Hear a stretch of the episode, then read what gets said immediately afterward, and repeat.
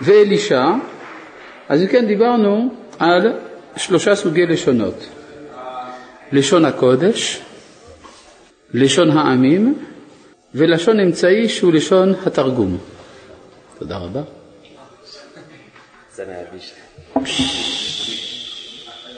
בסדר, בסדר, בסדר.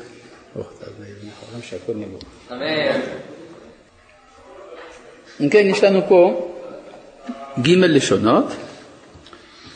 יש לשון, לשון הקודש, משמעותו לשון, לא לשון הקדושה, כי אפשר להגיד הלשון הקדושה, אלא הלשון של הקודש, כלומר הלשון שדרכו מתגלה הקודש, דהיינו הפנים. כן, הרי אנחנו עסוקים כאן בביאור פסקה בזוהר שאומרת שכל זמן שלא היו פנים בפנים, כל זמן שלא היה משקל, להבה מתקלה, להבו משגחין אפין באפין, והיו מסתכלים פנים אל פנים. אם כן, יש לנו שני אופנים של תפיסת עולם. יש עולם שבו הפנים מתגלות, ויש עולם שבו הפנים נסתרות. מה שנקרא גילוי פנים והסתר פנים. הפנים זאת אישיות. זה מישהו, מי שאמר והיה העולם, יש לו פנים. לכן הוא אומר, לא יהיה לך אלוהים אחרים על פניי. לעומת זה, כשמסתתרים הפנים, נשאר בעולם רק חוכמה. יש או חוכמה או פנים. עכשיו, אה, אז לשון הקודש היא הלשון שמגלה את הפנים, וכדי לזכות לשלמות לשון הקודש צריך להיות מי ששומר על הברית, מבחינת יוסף, שהיה גם זוכה לשלמות לשון הקודש. ויש לשון העמים, לשון העמים זה מבחינת 70, מדורה של 70 כוכבים, שהיא המשיכה של האדם אל הטבע. לשון העמים מפילה את האדם, את האדם למעמקי הטבע, בבחינת נשיכת נחש, בבחינת פגם הברית. כן? זה מה שלמדנו. כן, יש פה שני כתבים, או לשון הקודש או לשון העמים, ועל זה אמרו לשון נופל על לשון. מה זה לשון נופל על לשון? שלשון הקודש נופל על לשון העמים כדי להפיל אותם. כן? ועל זה נאמר ויפל השם אלוהים תרדמה על האדם, שדווקא בהפלה הזאת נולדה חווה, וחווה היא בחינת אם כל חי, היא המקור לזה שהעולם נברא בלשון הקודש, כי הרי מאיש לא כוחזות, לשון נופל על לשון. כן, זוכרים את כל הדברים האלה? למדנו שבין לשון העמים לבין לשון הקודש יש לשון אמצעי. הלשון האמצעי נקרא לשון תרגום או ארמית. לשון תרגום זה בבחינת תרדמה. תרגום בגימטריה תרדמה. ויש סכנה עצומה בלשון הארמית, כי היא יכולה לשמש אותה לשון ככלי להפלת לשון הקודש. הסברנו את זה במונחים מודרניים יותר, שהכוונה שהזהות הישראלית שנושאת בקרבה את הפנים של מעלה, יכולה להתמסמס בקוסמופוליטיות. הקוסמופוליטיות אומרת שהכל שווה. אין ישראל והעמים, אין פנים ואחור, אין רצון וחוכמה, הכל אותו דבר. הנטייה הקוסמופוליטית הזאת היא הסכנה שגנוזה בלשון תרגום, אבל יש גם אפשרות הפוכה. כיוון שזה לשון אמצעית, אפשר לצרף את התרגום אל הקודש, וזה נקרא קליפת נוגה. מה זה נוגה? זה כל אור שהוא על הגבול בין החושך לאור. נקרא נוגה. הסכנה הקוסמופוליטית כלולה בלשון תרגום, בבחינת ארמי עובד אבי.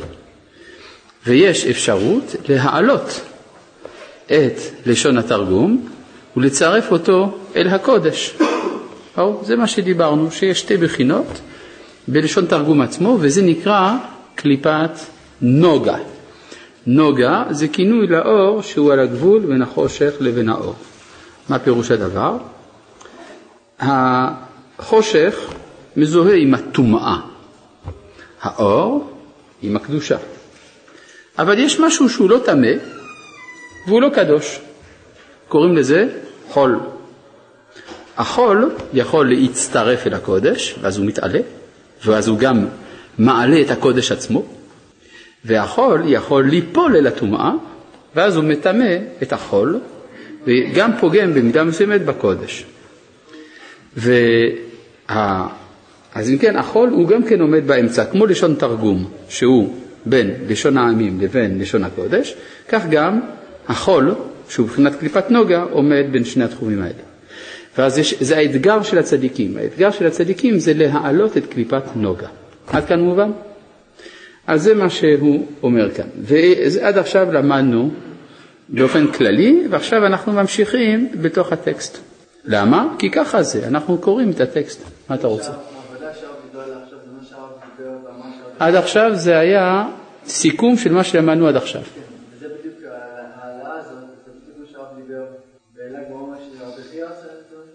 האם זה מה שרבי חייא היה עושה? רבי חייא היה עושה דברים אחרים.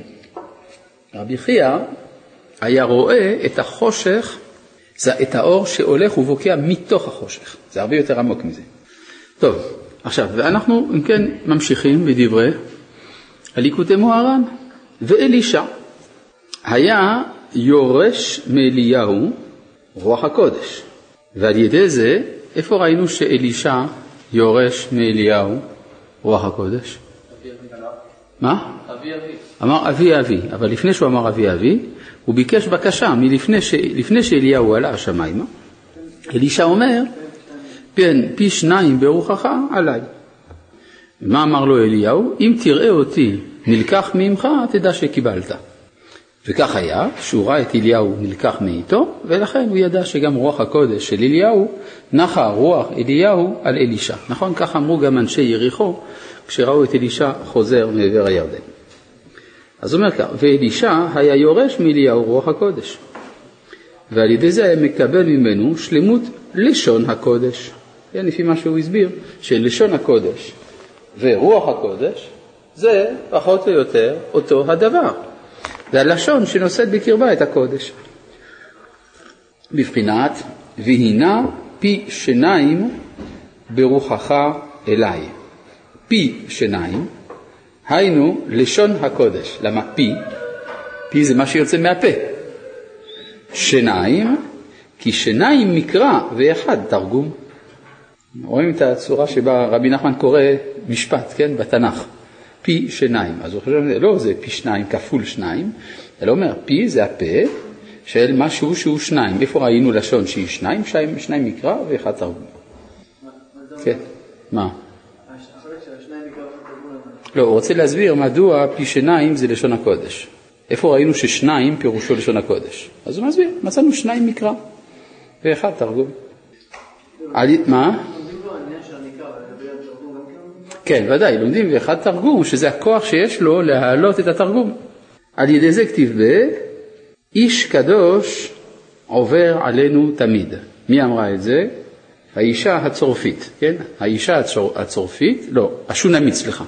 השונמית, שהייתה מארחת באופן קבוע את אליהו הנביא בעליית הגג שלה. והיא אמרה לבעלה, לא, האמת היא שהייתה מארחת אותו בהתחלה בבית, והיא אמרה לבעלה, מה? מה אמרתי? אליהו? לא, אלישע כמובן.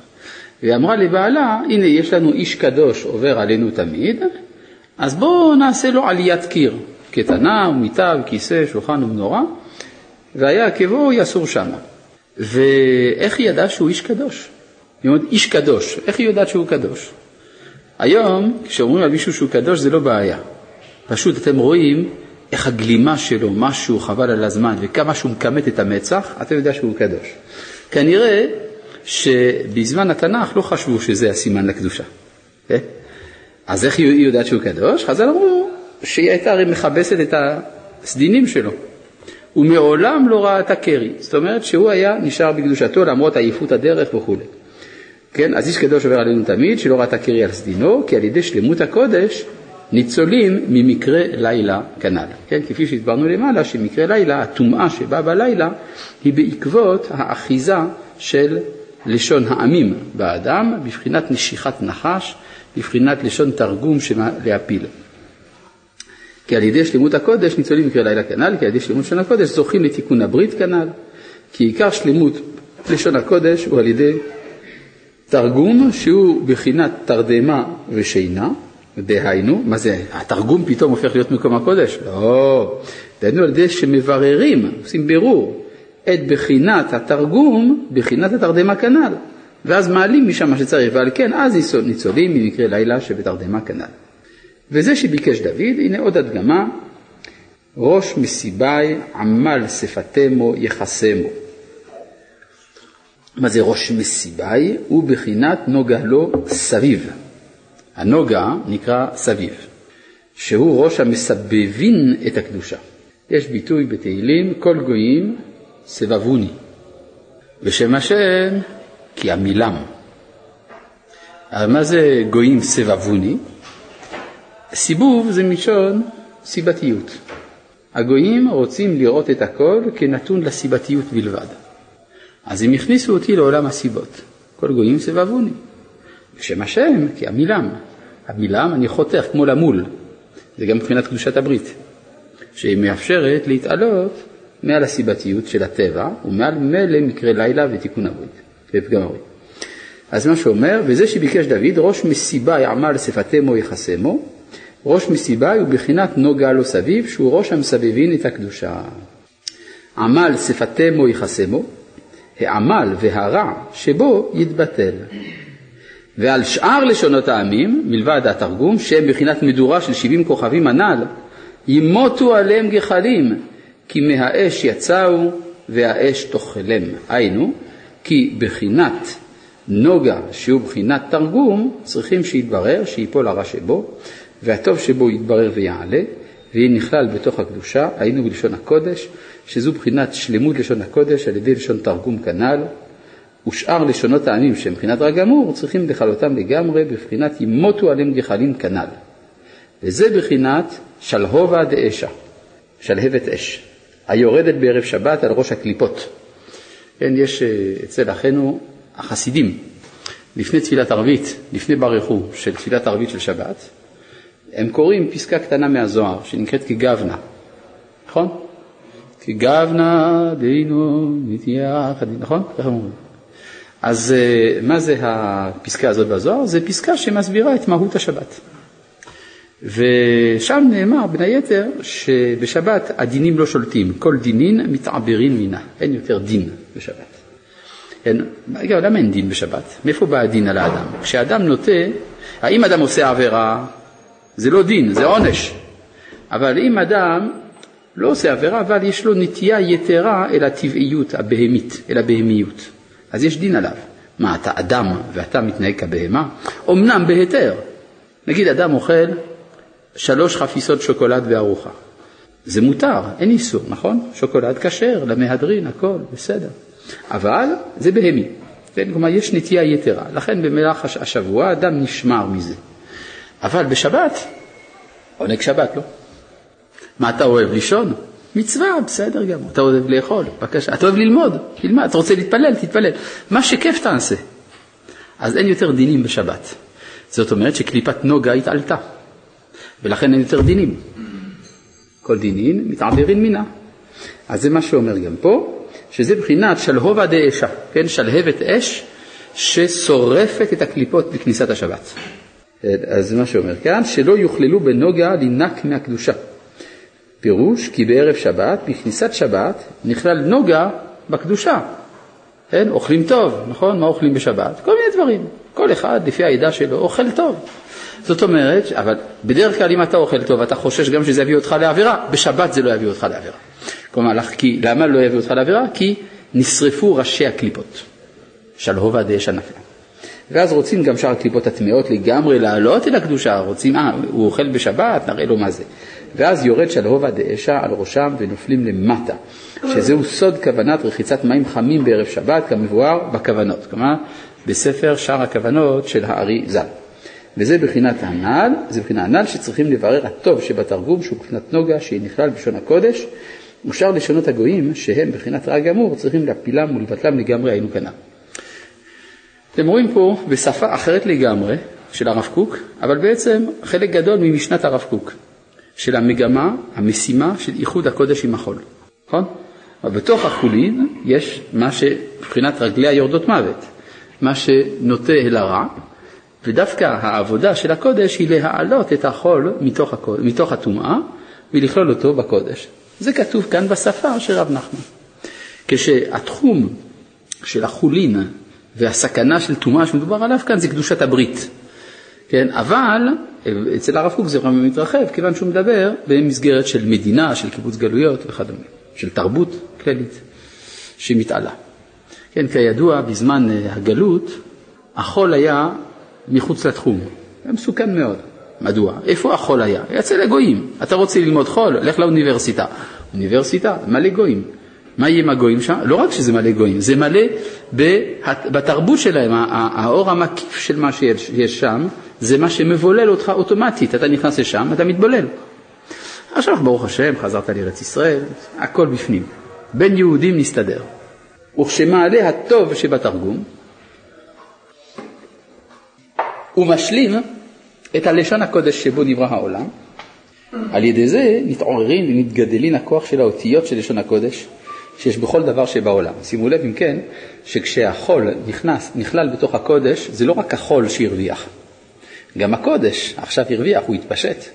יש לקודש פתאום ביטחון עצמי אדיר, כי הוא יצא מן ההתכנסות הפנימית בתוך עצמו, ועכשיו הוא מנהל את העולם הקודש. כן? אז זה כבר קודש יותר רחב מהקודש הדתי, שהקודש הדתי עומד כצר נגד החול. ואילו כאן הקודש שמדובר עליו זה עוצמת החיים המקורית. כי כל דבר, אז אומר כאן, כשמעלה, אני חוזר פה, תחילת פסקה ו', וכשמעלה, סליחה, הטוב שבתרגום הוא משלים את הלשון הקודש שבו נברא העולם. על ידי זה נתעוררין ונתגדלין הכוח של האותיות של לשון הקודש שיש בכל דבר שבעולם. כי הרי בכל דבר שבעולם יש אותיות של לשון הקודש שהן ב-standby, הן ממתינות שנעלה אותן. כי כל דבר יש בו כמה צירופי אותיות שבו נברא זה הדבר. כן? מה האותיות שיש בשמיים? יהי רקיע, נכון? ויהי, ויאמר אלוהים יהי רקיע, נכון? האמירה הזאת זה מה שיצר את השמיים, ויקרא אלוהים לרקיע שמיים. זאת אומרת האותיות של יהי רקיע זה מה שמחיה את השמיים. אכן אומר אה, בעל התניא על הפסוק לעולם השם דברך ניצב בשמיים הדיבור שלך שבו אמרת יהי רקיע, הוא עדיין נמצא בתוך השמיים, ושם הוא מחיה את השמיים. בסדר? אז מה שאומר כאן, כי כל דבר יש בו כמה צירופי אותיות שבו נברא זה הדבר. ועל ידי שלמות לשון הקודש, על ידי לשון תרגום, על ידי זה נתעוררים ונתגדלין הכוח של אלו האותיות שיש בכל דבר ודבר. וזה מה שכתוב, ועתה יגדל נא כוח אדוני כאשר דיברת לאמור. מה? פרשת השבוע. נכון. זה סימן שכבר התקדמת בשניים מקרא ואחד תרגום. כל הכבוד. ואיפה בסוף? גמרת לגמרי? כן, עם רש"י? עם רש"י? או... סתם, בסדר, זה מעניין. טוב, אז תזכרו, דניאל גמר אה, את השניים מקרא אחד, כמעט את הכל. טוב, אז מה זה ועתה יגדל נא כוח אדוני כאשר דיברת לאמור? מה, מה זה? שם מדובר שמשה אומר לקדוש ברוך הוא, תראה, אם אתה כל כך כועס על חטא המרגלים, אז מה יהיה, מה אתה רוצה להשמיד את האומה? תשמיד את האומה, חילול שמך הגדול שאין כמוהו. יגידו מצרים, הוא לברא הוציאם להרוג אותם בהרים. לא, זה שם בפרשת העגל, אבל לא משנה. כלומר, אה, מה יאמרו, מה?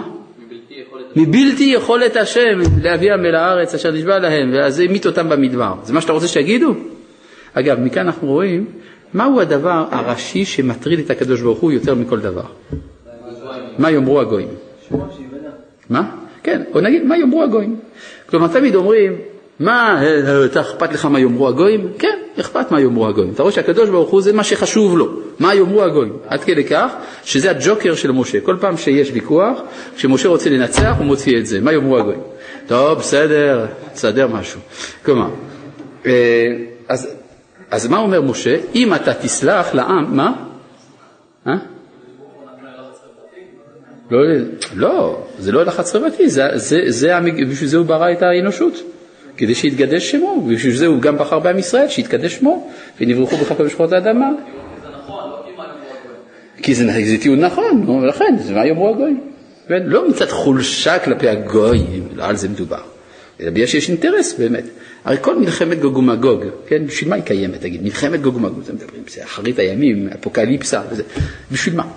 כן, כתוב, והתגדלתי, והתקדישתי, ונודעתי לעיני עמים רבים, וידעו כי אני השם. בשביל זה יש מלחמת גוג ומגוג. בסדר? אז זה, זה דבר עצום, כלומר, ואם אתה, אז אם אתה רוצה שלא תהיה מלחמת גוג ומגוג, תקדש שם שמיים לעיני הגויים, ואז יהיה בסדר. השגנו את המטרה, כבר אין צורך במלחמה. כן, אז מה שהוא אומר כאן, אה, שמשה בעצם רצה שיגדל כוח השם. איך מתגדל הכוח של הקדוש ברוך הוא? על ידי שאתה סולח לעם ישראל. ואז מה יקרה? כאשר דיברת לאמור. מה זה לאמור? לאמור, הוא אומר, זה גילוי עריות. יפה. כן? איפה, איפה הוא יודע שלאמור זה גילוי עריות? מה כתוב בגמרא בסנהדרין? יפה, על שבע מצוות בני נוח, יפה מאוד.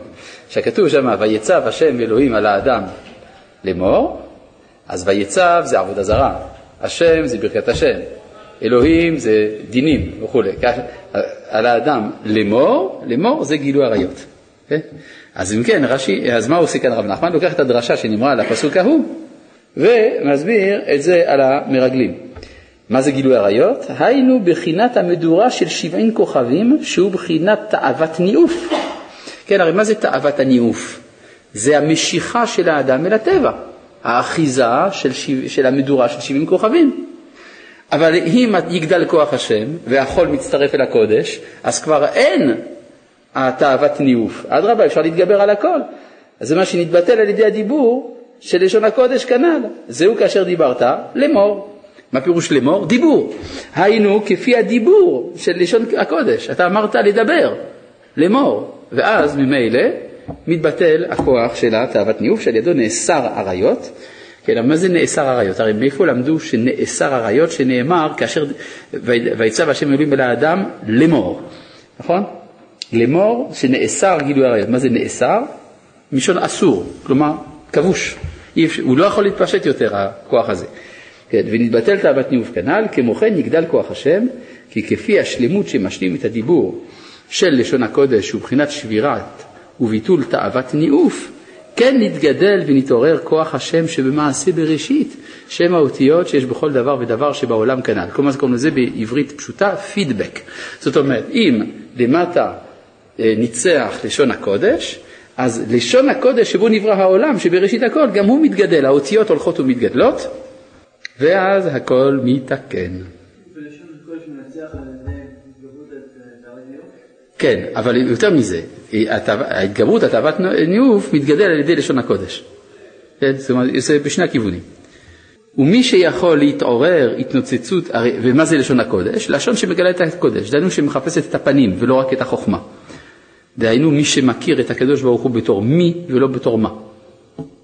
מי ש... ומי שיכול להתעורר בתור, לא בתוך, בתור, ברש, כן? כלומר, האם הקדוש ברוך הוא הוא מישהו או שהוא משהו? מה? אה, אני אסביר. אה, אם אתה רואה, כלומר, לפעמים אני שואל אנשים, מי אתה? לפעמים אנשים אומרים לי, אני יוסי. תשובה נכון, נכונה, נכון? תשובה טובה. אני יוסי, זו תשובה טובה? אה, או שואלים אותך שאלה, תענה, הנימוס מחייב. עכשיו, אה, לפעמים אותו אדם, במקום לענות אני יוסי, אומר, אני אה, הפקיד שאתה צריך להיכנס אליו. אז מה הוא? הוא משהו, הוא הפסיק להיות מישהו. כלומר, הוא מגדיר את עצמו על פי הפונקציה שהוא ממלא, לא על פי עצמו. אותו דבר, מי זה הקדוש ברוך הוא? יש מי שרואה את הקדוש ברוך הוא בתור כוח עליון. אז זה, זה, זה, זה פשוט, זה טרור. זה סוג של protection. כלומר, הקדוש ברוך הוא אומר, תשמע, אתה, לא כדאי לך להסתבך איתי, אני, אני הכי חזק פה. קוראים לזה משהו. זה אלוהים אלים. יש, הקדוש ברוך הוא בתור מישהו, אפשר לדבר איתו. אישיות. הוא מגלה את הרצון שלו. זה בפילוסופיה לא מכירים. מובן? טוב. אה, וההכרה בתור בעל רצון זה מה שנקרא פנים, מה שהסברנו בארבעת השיעורים האחרונים. לא היית בשיעור? יכולת להוריד אותם מהאינטרנט, מה זאת אומרת? יש ארכיון, לא סתם. מה? אינטרנט. אה, ומי שיכול להתעורר התנוצצות האותיות שבכל מעשה בראשית שיש בכל דבר, עכשיו, אנחנו עכשיו מרחיבים, אז מה קורה איתו? כל דבר שהוא עושה קדוש. אזי אכילתו ושתייתו וכל תענוגיו אינו אלא מהתנוצצות האותיות שבאכילה ושתייה בבחינת ויאכל וישת ויטב ליבו. מאיפה זה הפסוק הזה? לא, זה מרות. זה פסוק ברות שמדבר על בועז. בסדר. פרק ג'. שם מספרים לנו על אה, בועז. אדם מאוד מעניין הבועז הזה. לפי חז"ל הוא ראש הסנהדרין. הוא השופט שבימיו, הוא ראש הסנהדרין, במושגים מעוותים של ימינו קוראים לזה גדול הדור. כן? הוא גדול הדור. הצדיק שבצדיקים, היורש של משה רבנו. עצום. נו, מה יספרו לך? איזה סיפורי צדיקים יספרו לך על אה, גדול הדור? מספרים לך, ויאכל בועז, וישת, ויטב ליבו, וישכב בקצה הערמה. כלומר, הוא אכל ושתה והוא היה מבסוט והוא הלך לישון ליד הכסף. כן, מה זה הערימה שם? זה השעורים, כן? קצרו את השדה שלו. עכשיו, כדי שלא יגנבו בלילה, הוא הולך לישון ליד הכסף. אין לו בנק. כן? עכשיו, על צדיקים היו אומרים לפחות שהוא קרא קריאת שמע, שהוא אמר דברי תורה על השולחן, איזה וורט, משהו. שם לא מוזכר, לא קריאת שמע על המיטה, לא ברכת המזון, שום דבר, שום כלום. ויאכל בועז וישת, ויטב ליבו, וישכב בקצה הערמה. באמצע הלילה, מה הוא מגלה? אישה לידו. מה קורה לו? מיד הוא מדבר על הקדוש ברוך הוא. באמצע הלילה, מקום חשוך, אישה לידו, מדבר על ריבונו של עולם. אדם קדוש, אבל צריך להבין. אה, חז"ל אמרו, וייטב ליבו בדברי תורה. אז מה ההבנה הפשוטה? הוא אמר דבר תורה כדי שיהיה קדושה לאכילה שלו.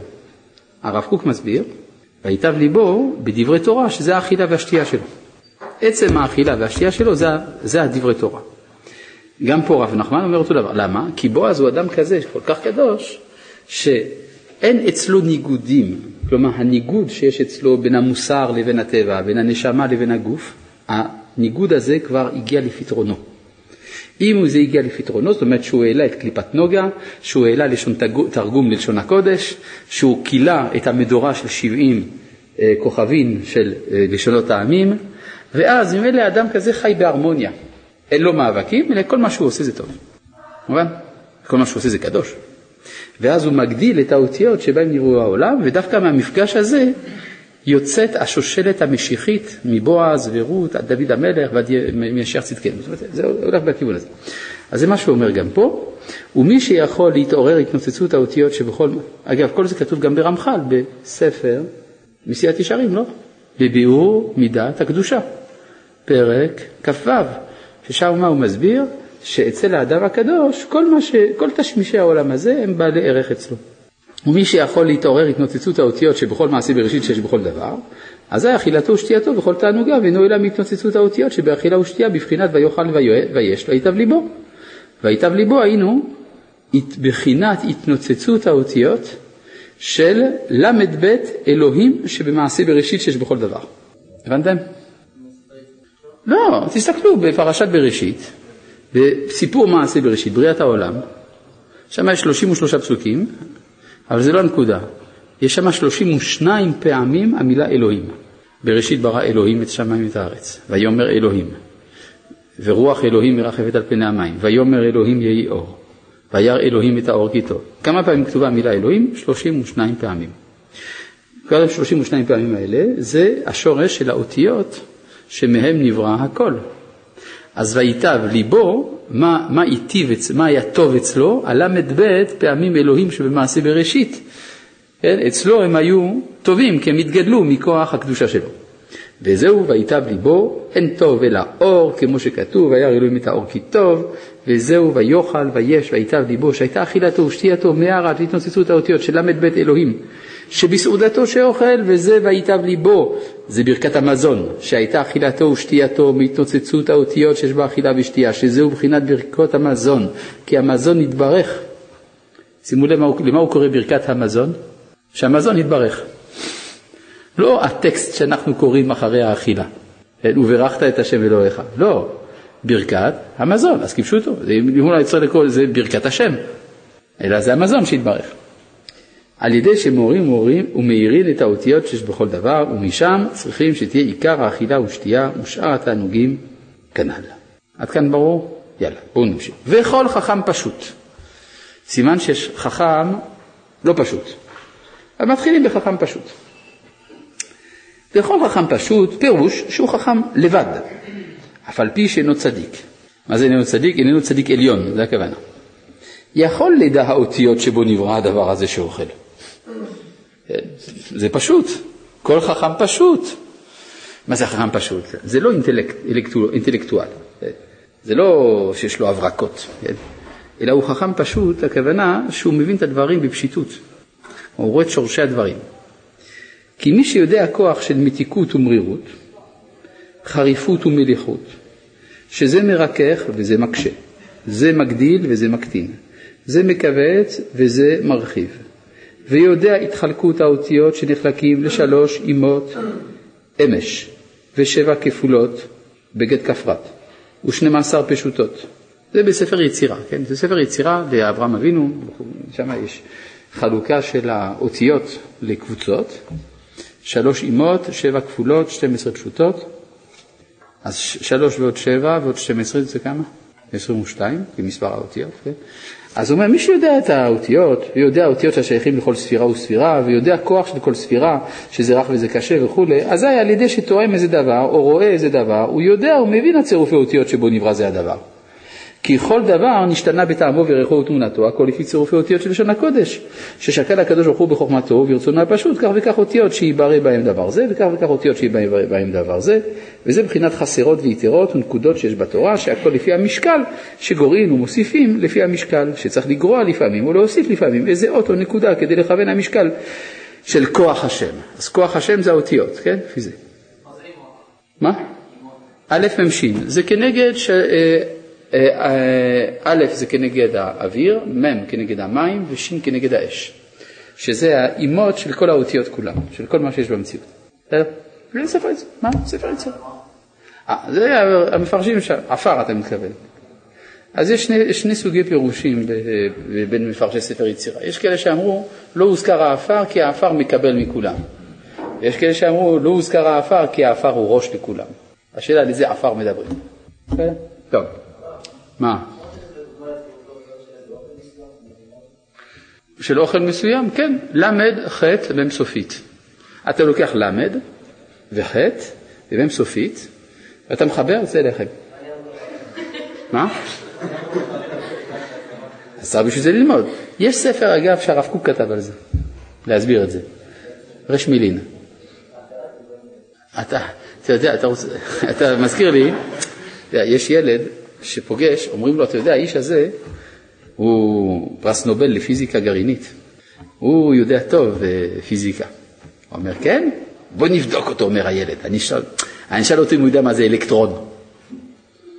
אז uh, הפרס נובל הזה אומר, תשמע, כדי להבין את זה צריך להבין קודם כל מה זה שדה אלקטרומגנטי. בשביל זה אתה צריך קצת להתקדם יותר באלגברה. ועוד כמה, קצת בטריגונומטריה, קצת בכימיה וזה, ואז תוכל להבין מה זה אלקטרון. אומרת, אתה לא יודע שום דבר. המורה אמרה שאלקטרון זה כדור קטן שמסתובב מסביב לגרעין של האטום, ואתה לא יודע.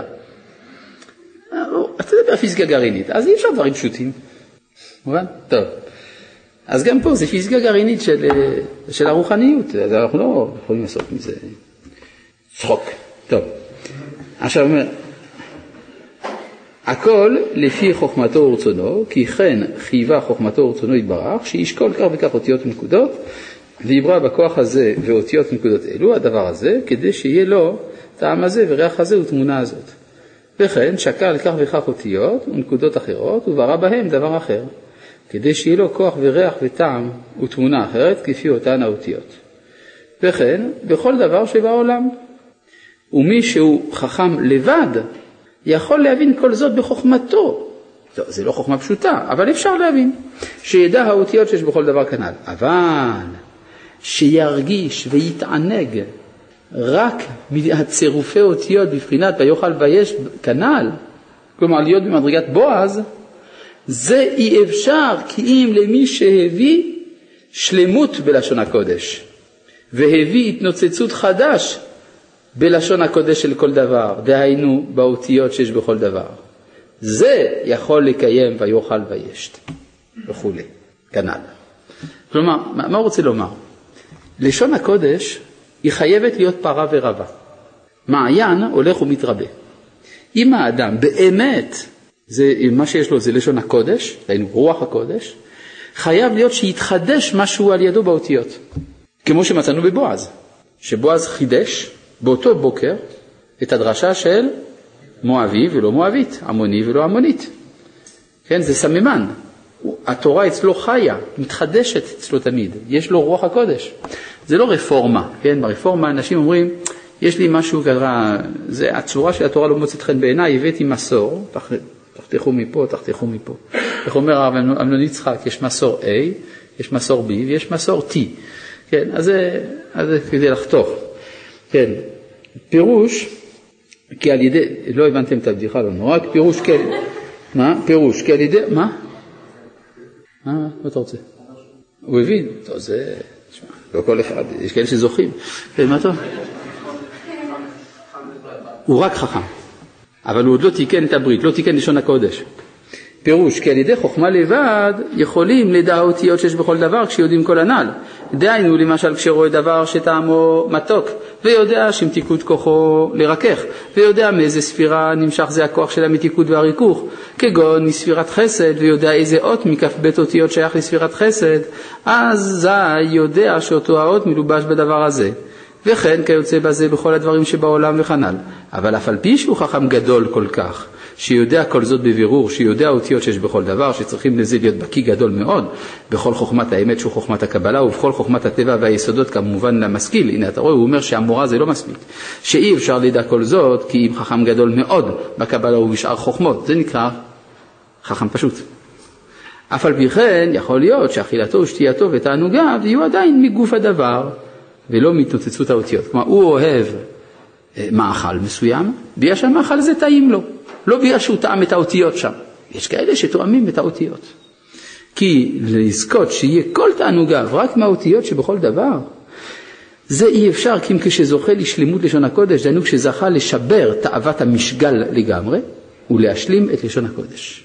זה הלשון הקודש. עד שהביא התנוצצות חדש בלשון הקודש, דהיינו באותיות שיש בכל דבר. זה הצדיק שאוחז בזה, הוא, דייקה, זוכה לזה שאינו מרגיש שום תענוג משום דבר אכילה ושתייה ושאר התענוגים שבעולם, כי אם מהתנוצצות האותיות שיש בכל דבר, אשרי לו.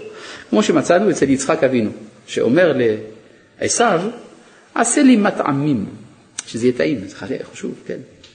אבל לא סתם טעים היום, זה צריך להיות כמו ש... כאשר אהבתי, כלומר אתה מכיר את הטעם שלי מכמה שנים. בעבור תברכך נפשי. בלי זה אני לא יכול לברך אותך, כי אני צריך לטעום, זה צריך להיות טעים. מאיפה בא הטעם אצל אה, יצחק אבינו? הוא, הטעם בא לו בגלל האותיות הגנוזות שם. וזה בחינת ומציון יסעדך, שיהיה סעודתך, היינו האכילה ושתייה וכל התענוגים, מציון. מה זה ציון? ציון, וסימן האותיות המצוינים ומסומנים בכל דבר. מה אתה רוצה? זה דווקא מי שהשלים את כל התהליך שמרגיש את זה? מי שהשלים את התהליך אז הוא מגיע לזה, כן. יכול להיות צדיק ולא חכם? יכול להיות צדיק ולא חכם, כן, יש מלא כאלה. אבל פגשתי, יש כמה, כן. אחד וחצי.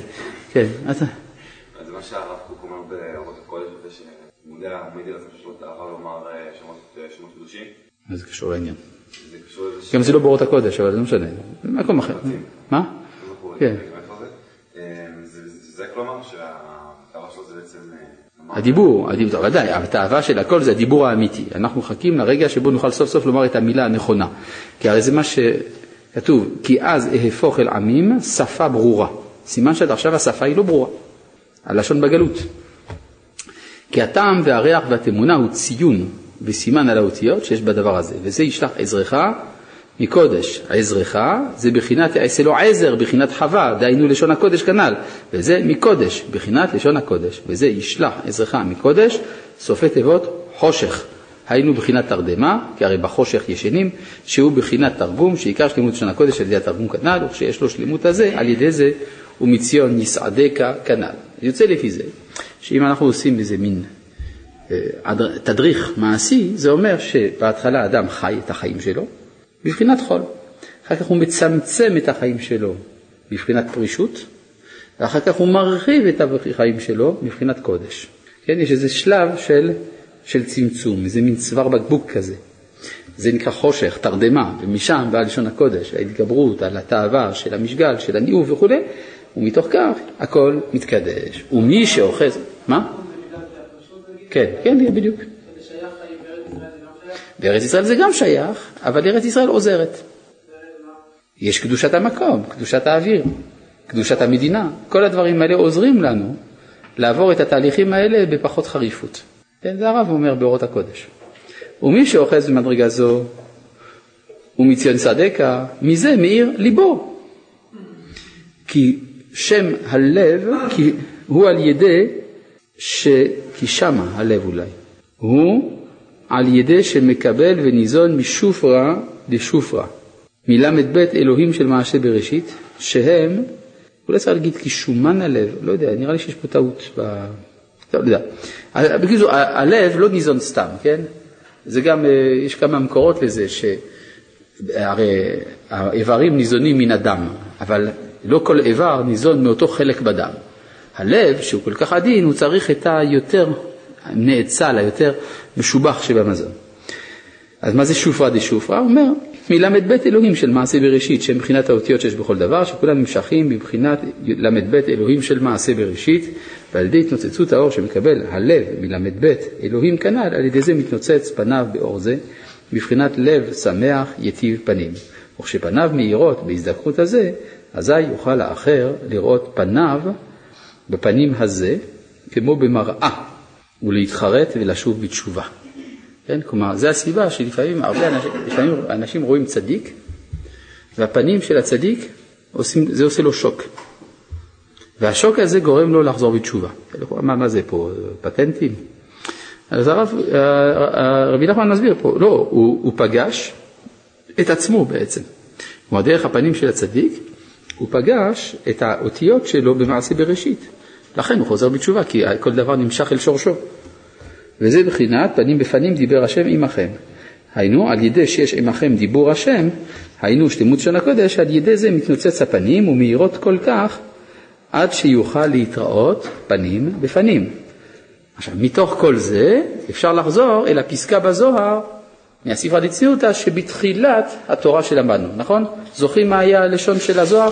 תסתכלו לרגע אחד, בתחילת פס...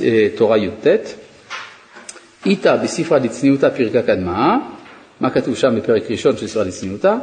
עד לה הווה מתקלה, עד שלא היה משקל, לה הווה משגחין אפין באפין, לא היו מסתכלים פנים בפנים. אז כדי להסביר את השורה הזאת, רב נחמן הקדים לנו את כל מה שנאמר עד עכשיו, מה אתה רוצה? רק מבחינת הנמשל, מה? הצדיק בזה שהוא חוזר, שורש כל הרצונות, אז הוא יכול להראות את הרצון של כל אחד ואחד. נכון, גם זה, זה למדנו באחת התורות הקודמות. בסדר. וזה, מה? איזה משפט? אה, זה בדיוק מה ש... עכשיו שלמדנו את כל זה, לפי זה נוכל להבין את המשפט. וזה מה שהרב נחמן עושה, שעכשיו הוא מסביר לנו את המשפט. לכן אני מציע שנקרא את דבריו. בסדר. ונסביר את המשפט. כנ"ל. וזה עד להווה מתקלה, עד שלא היה משקל. היינו, מה זה מתקלה? שלמות לשון הקודש הנקרא מתקלה. למה זה נקרא מתקלה?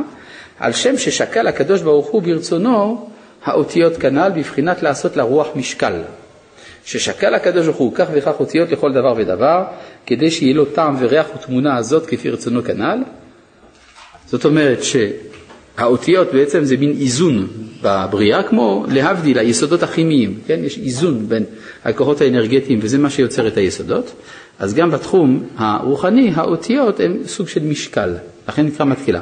וקודם שהיה הלשון הקודש בשלמות, לא הווה משגיחין אפין באפין. עדיין לא היה בחינת פנים בפנים, כי אי אפשר לזכות לבחינת פנים המאירות הנ"ל, שהן בחינת פנים בפנים, כי אם על ידי בחינת מתקלה, שהוא בחינת שלמות לשון הקודש כנ"ל, כי עיקר בחינת פנים בפנים הוא על ידי דבר, דיבר השם עמכם כנ"ל, וזה עד להווה מתקלה, היינו בחינת לשון הקודש, שעיקר שלמותו על ידי תרגום, שהוא נוגה הנקרא תיקלה כידוע, וזהו החילוק בין השומע מפי הרב או מפי התלמיד או מפי הספר. כן? קושייה ידועה. מי צריך שימוש תלמידי חכמים? יש לנו ספרים, יש לנו אינטרנט, יש לנו סיכומים, יש לנו קלטות, אז בשביל מה צריך את הרבנים? יש אנציקלופדיות?